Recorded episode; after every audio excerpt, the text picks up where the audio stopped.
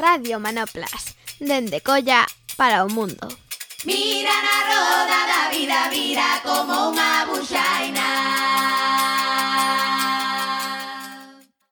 Benvidas a un novo programa de Radio Manoplas. En este programa contamos con unha convidada vou dicir ben o nome e apelidos, Eva Gil Rodríguez. Hola, Eva. Hola, Diego. Eh, Eso, queríamos pasar eh, 25 minutos eh, falando con Eva. Eh, bueno, queríamos comezar pois polo, polos inicios. Eh, Eva, eh, como boa viguesa, naceu en Ourense, pero logo se criou en na Cañiza. Eh, eso, podes contar que, que é moi interesante que facías na Cañiza porque a túa familia estaba vivindo por alá? Pois o meu pai é mestre ou foi mestre, está subilado xa agora e o seu destino, aínda que non somos dun pueblo de cerca de Celanova, o destinaron a Cañiza, que está como a 20 minutos do meu pueblo aproximadamente, E entonces, aínda que no inicio vivíamos en Ourense, logo os meus pais decidiron pois trasladarse a Cañiza, que era máis fácil, e vivín eh, todo, toda a época de GB na Cañiza e concretamente no grupo escolar, que para quen escoite e vivira nun grupo escolar, pois algo bastante peculiar e, e bueno, para a infancia eh, para min foi estupendo, porque tes acceso ao cole, eh, a can as canchas son o teu patio personal, cando acaba o colexo, a biblioteca, o pabellón, bueno, esa foi a miña infancia e no monte, porque o cole estaba pegado ao monte. Un gran hermano aí no cole, non? Todo o día non saías dali, non? Pois pues sí, non salía moito. Alguá vez a miña nai me mandaba a facer a compra a Cañiza, pero era como unha incursión a un lugar moi extraño. Eh, despois eso, en eh, rematas a EGB no, na Cañiza, supoño que o teu pai ou a túa familia decide, non? Eh, vir para Vigo. Eh, e ves a estudiar a, a Colla ou Colla 2 ou Alexandre Bóveda, eso, ese cambio aí de pasar de, bueno, dunha vila a unha cidade, como levaches así neses anos de adolescencia tamén? Vale, a ver, primeiro, por que deciden virse, e isto aí un pouco como recoñecemento a miña nai, a decisión foi da miña nai. Para ela a cañiza se lle facía, bueno, a oprimía moito, eh, non lle daba demasiada liberdade, non tiña como desenvolverse, e quería que nos tiveramos a opción de ter un espacio máis libre, non? eh, e por eso deciden virse a Vigo. O meu pai sigue traba seguiu traballando na Cañiza ata que se subilou, el viaxaba sempre. E, e nada, e, e eh, chegamos aquí, e iniciei no Collados que tiña pois ata F de cada curso, me parece, que era enorme. Eu viña pois, dese gran hermano do meu cole, no que coñecía absolutamente todo. E inicialmente a mí me deu moitísimo medo, porque era todo moi grande, non era capaz de, de ubicarme en nada, complicada e logo, bueno, tive unha adolescencia bastante complicada porque me, unha vez que, que me ubiquei dice, buf, que de cosas moi molonas. Claro, era Colla 2 que aínda que daquela xa estaba máis tranqui, pero era un instituto grande que había vidilla, non? Naquel momento. Había moita vidilla de moito tipo. Eso, eh, Eva, eres a maior de tres irmás, E despois, eh, eh, por aquí, a túa nai eh, abriu creo que cunha irmá, non? Ou con, con a, cuñada. coa cuñada, unha librería, non? A librería celta que está ali preto mm. do, do campo. Así que, que era mm, eso, ser a filla de alguén que tiña unha librería, que esmolaba ou non? Que... Ai, eso foi moi guai tamén. Pois un pouco na loita da miña nai de, de adquirir autonomía, ¿no? como muller, ela fora criada para casarse, para ter fillos e así e fillas en este caso, e así o fixera, pero ela quería poder ter autonomía e vir a Vigo lle permitiu eso, entonces un toco a miña tía eh, colleron o traspaso de, da librería que daquelas tiña de todo, ata vendían medias e bragas e era unha cosa así moi de barrio e elas a nomearon Librería Celta en Balaídos e eso nos permitiu sempre pois eh, e librería, papelería e ter acceso a, a, a miña nai encanta ler entonces bueno, sempre nos ensinou moito a lectura pero teñamos acceso a poder coller libros, a comprar libros a, e, e, ta, e logo a cousas máis mundanas como a leer el Ola todas as semanas que tamén é importante. Eh, e, ai, que me, me despistei. Eso, mm, camiñando así para adiante, eh, eso, na primeira entrevista do programa eh, pasou por aquí Marta, que é educadora social, e ti coincides tamén con, con Marta en que, mm, que pasaches pola, pola uni, fixeches eses, uh -huh. eses estudos. porque chegaches aí a educación social que no teu momento aínda era unha carreira bastante nova, non? Eh, mm. si non é unha carreira que non leva levará tres décadas máis menos. Sí. Por que escolliches eses estudos? Bueno, eh, un tanto inocentemente porque mm, quería poder traballar con personas que se atoparan en situación de exclusión, concretamente me interesaba moitísimo o pois todo o tema relacionado coas drogadiccións e digo moi inocentemente porque eu pensaba que bueno, podía facer maravillas eh, axudando as persoas e servindo de apoio e logo, bueno, pois eh, unha vez eh, iniciada na profesión te das conta de que non ten nada que ver con, con eso, sí que ten que ver co acompañamento e con con intentar mellorar a vida en xeral, pero bueno, eh, se vai conseguindo o, o que se pode. Eh, o equipo de, de guión deste programa que, que foi María a parte Hola, eh, María. Eh, destacaba tamén que eso que eres eh, unha persoa eh, polifacética, renacentista o que queiras. Eu tiña aquí anotada cousas que sei que, que, que fixeches. Eh, fixeches un programa de radio que uh -huh. vou poñer aquí un anaquiño. Só despois de ler Bartes é que Camila ficou a saber que o dedo da masturbación é o medio. Até aí tiña usado sempre o indicador. Eso, hai uns anos, eh, cunha colega montaxe esa resistencia do dedo medio, eh, que é un proxecto que estaba dentro de Radio Piratona. Uh -huh. eh, eso, que ademais de, de música, moita música, Que, de que se falaba na resistencia do dedo medio? Pois a resistencia do dedo medio nace da cabeza de Marcendón, que é unha muller terriblemente creativa e con moita forza e eu decidín unirme a ela, daquelas casi non nos conocíamos e, bueno, foi unha gran idea pola miña parte unirme a ela, e ahora mesmo somos amigas. Eh, e, e o que pretendíamos era falar de temas relacionados cos feminismos.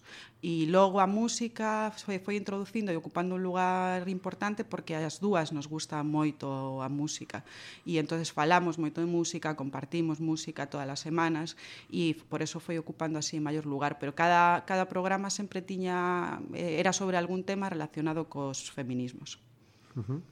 Esa que xa que estás falando de música, eh, este programa quere rematar sempre cunha canción, mm, Eva vai sobrada e eh, propón dous, e imos darlle pé a, a primeira recomendación musical eh, que nos traes. Eh, pois a primeira é de eh, Nina Simone, eh, a ver se si son capaz de dicilo, que é eh, Ain't Got eh, No, I Got Life, que, bueno, é unha canción, bueno, Nina tiña esa parte de reivindicación e tamén de, de sair adiante, ¿no? Ela como, como muller e como muller negra naqueles momentos como foi capaz de salir adiante. E nesa canción concretamente fala de todo aquilo que non ten, pero de aquilo que sí ten, que é o seu corpo, a súa vida e como ela pode ir decidindo con eso, con eso pouco que ten. Pois nada, quedamos escoitando a Nina Simone.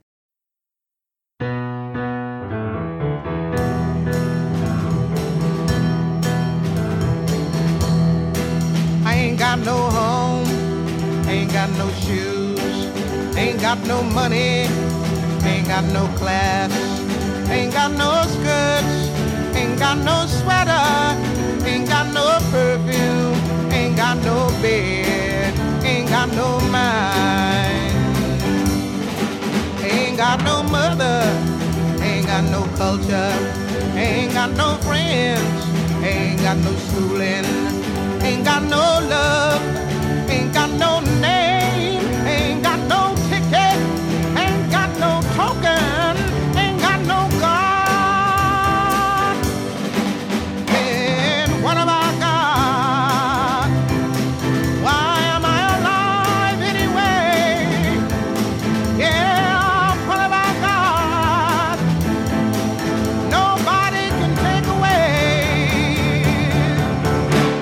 my hair, got my head, got my brains, got my ears, got my eyes, got my nose, got my mouth, I got my smile. I got my tongue, got my chin, got my neck, got my boobs, got my heart, got my soul, got my back,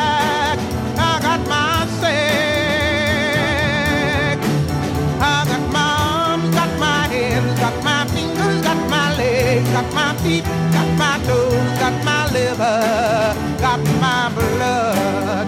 I've got life.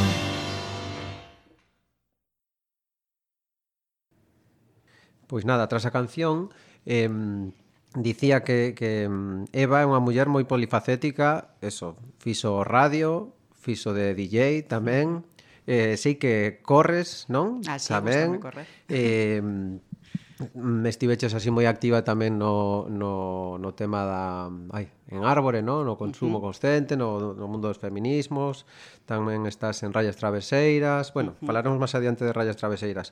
Eso, e igual que as outras dúas compas que pasaron por aquí, eres unha muller hipersociable, e que estás con xente, eu creo que polo pouco que coñezo, e comezo por min, moi distinta, ¿no? Ou con diferencias así. Eso, por que te tira tanto aí estar con non sei, esa parte de estar con xente, que, que atopas aí na, nesa vida? Pois eh, supoño que aprender e nutrirme ao final da xente. A ver, son un tanto paradoxal eu e, e, e así como son moi social tamén son moi antisocial e, e preciso de estar sola e de, bueno, e de, e de aillarme. Pero sí que é verdade que sin, sin xente me agobio moito, me veño moi abaixo. E me acordo, me, me acabo de acordar agora de cando fixeras segundas prácticas da carreira que se me ocorrera a señal idea de ir a facelas ao meu pueblo Bueno, as fixera en Celanova, pero iba a vivir, fun a vivir cos meus abuelos o meu pueblo, dicindo, ah, que bien, ¿no? aí vou rural, estupendo, e casi muero, porque me faltaba a parte de poder estar con, con personas, ¿no? de poder, e daquelas que non a internet non estaba tan presente, de poder eh, escoitar e, e, e de, de, de ter unha vida un pouco máis amplia, ao final é o que tes cando estás coas personas. Uh -huh. E, e despois contabas antes, así que dun modo eh, insenuo, como moitos e moitas, foches aí a estudar educación social ou traballo social, pero así pensando que eran estudos guais que te iban a permitir eh, traballar eh, dun modo tamén guai e liberar. Pero antes dos estudos, eh, eso, ti tes a, nestes momentos que estás currando no, no sector, no? Eh, grazas a ese título que tes, pero sobre todo faz, eh, ves así facendo moito traballo de acción social, non? Dicir, fora do mundo laboral levas así moitos anos facendo facendo cousas, non?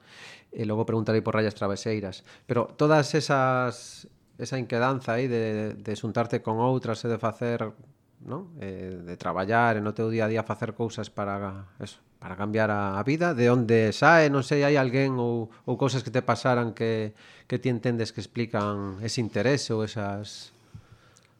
Bueno, a ver, como todo, des, sempre hai influencias e hai algo que te vai levando. Eu supoño que tería moito que ver o meu avó materno era un home tamén con pois como con esa parte moi social, era moi querido e el pois sempre se dedicaba no pueblo a a, a preocuparse de que a auga fora para onde tiña que ir, que non sei que, a, ir a falar coa alcaldesa se era necesario. Bueno, pois esas cosas me influíron.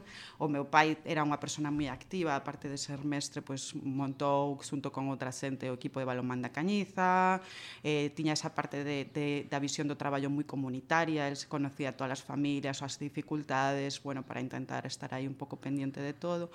Supoño, e logo, eu creo que, sobre todo, eh, que a, a, si algo fixen ben foi deixarme arrastrar por personas que o fan ben e, e ir vendo e xuntándome, pois como nombrei a Mar, pois con outras moitas persoas, tamén coas miñas compañeras e compañeros do Instituto Wilhelm Reich, de ASEA, eh, que te van dando unha visión e que vas aprendendo e ves, ao final, é a forma de facer cousas entre, entre moitas, non? Unha sola, bueno, a non ser que seas moi brillante, e aínda sendo moi brillante, a capacidade de acción é moi pouca. Uh -huh eh, nun deses espazos nos que estás así con, con compas que a ver se pasan por aquí, ¿no? Con Mari, con Leti, ¿no? Algúa máis en Rayas Traveseiras. Eso podes contar que faz por aí e eh, por que eso aquí na Galiza eh, facer un, un colectivo que, que traballe polos dereitos das migrantes. Mm. Bueno, montámoslo hai uns anos porque xa viñamos facendo traballo un pouco de denuncia da situación eh, das persoas migrantes eh, no Estado español e concretamente na Galiza e decidimos pois, darlle nome e, e porque facemos ou facíamos máis, ahora estamos un pouco máis inactivas en eso, eh, moitos obradoiros de sensibilización no? e de formación e, pero aparte de eso, pues, conseguimos facer un fanzine, agora estamos elaborando un segundo fanzine, eh, e, e que, que es esa eh, ao final é un espacio que nos permite estar aí un pouco pendientes de todo o que vai pasando, porque parece que as persoas migrantes mm, solo están e, e non pasa nada con elas, pero pasan moitas cosas. As políticas son bastante, siguen sendo a día de hoxe, eh, bastante salvajes coas súas vidas.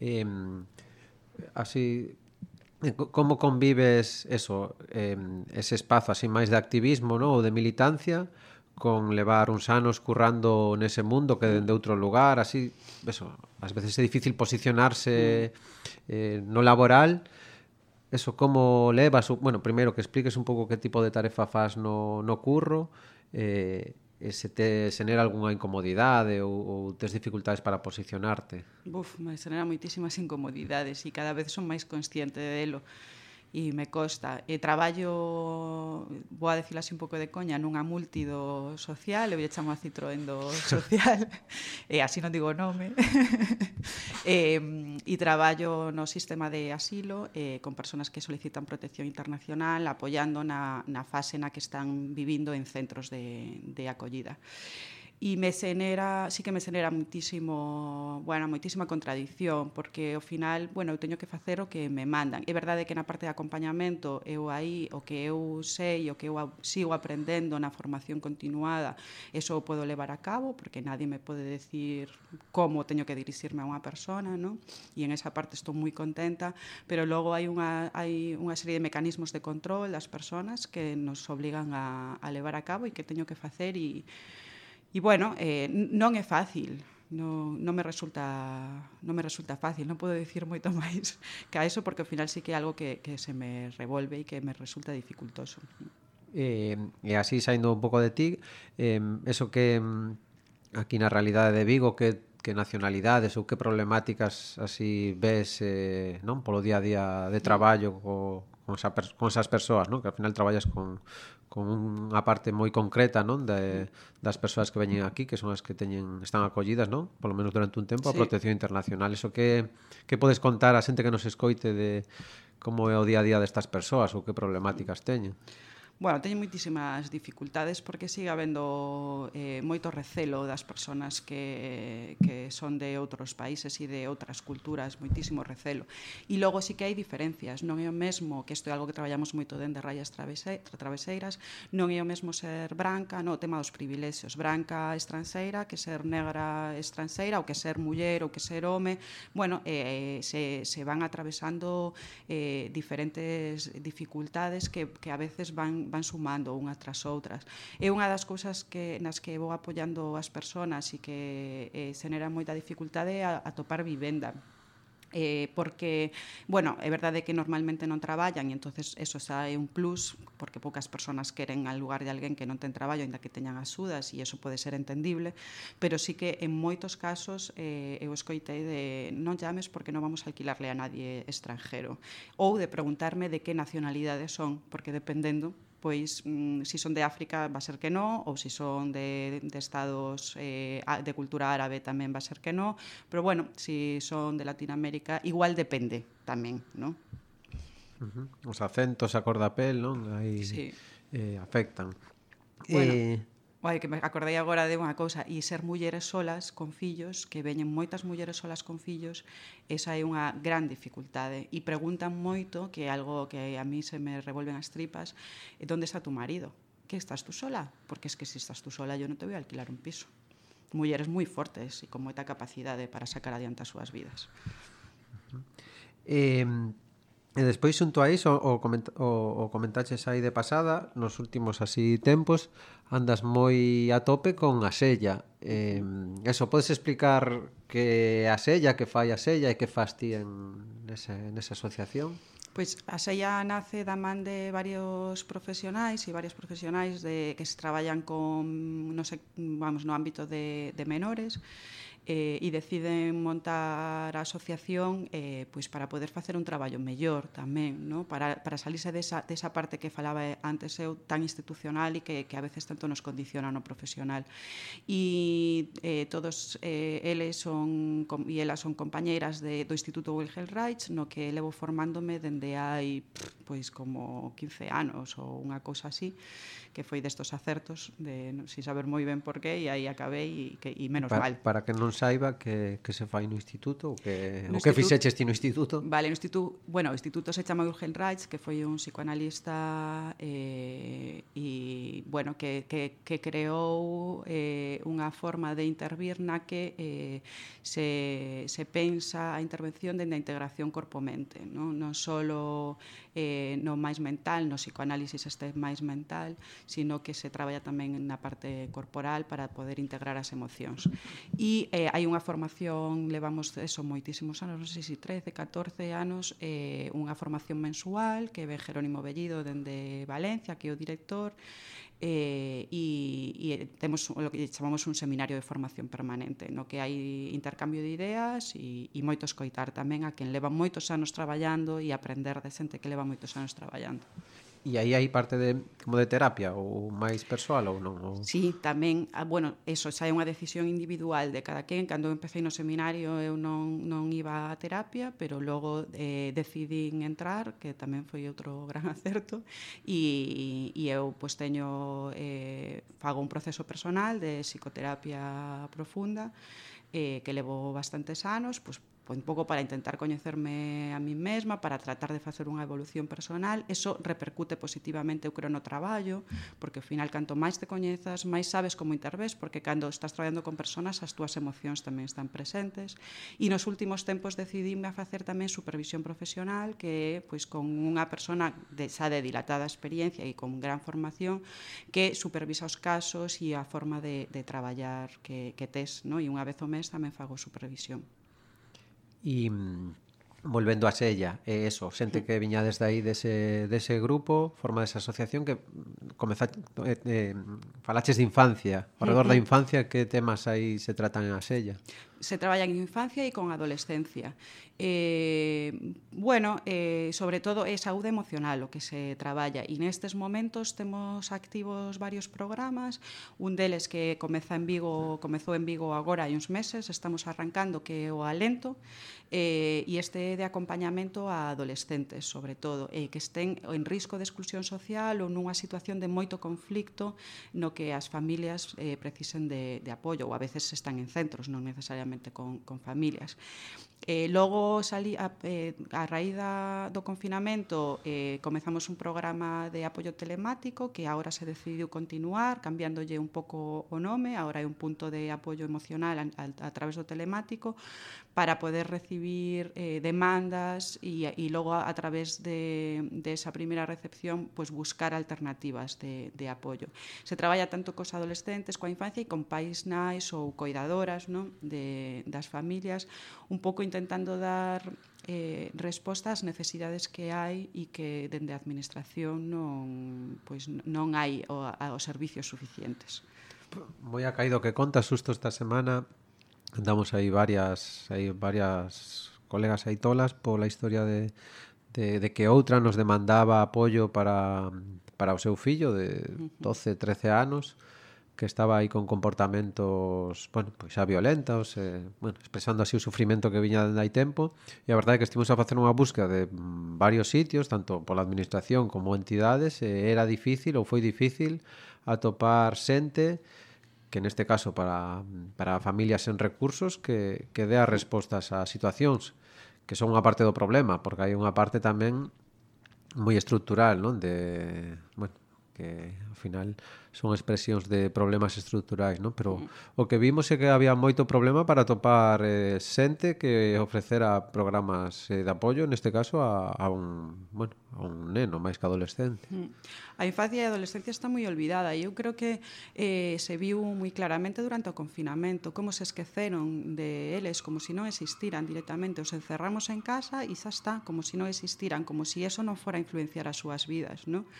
E, e logo se viu unha desescalada que bueno, como había moita presión social para que os nenos puderan salir, empezaron a salir, pero se esqueceron dos adolescentes. E durante toda esa escalada tamén como se si non existiran. E ademais, nun momento das súas vidas nas que precisamente necesitan moitísimo do, do contacto social.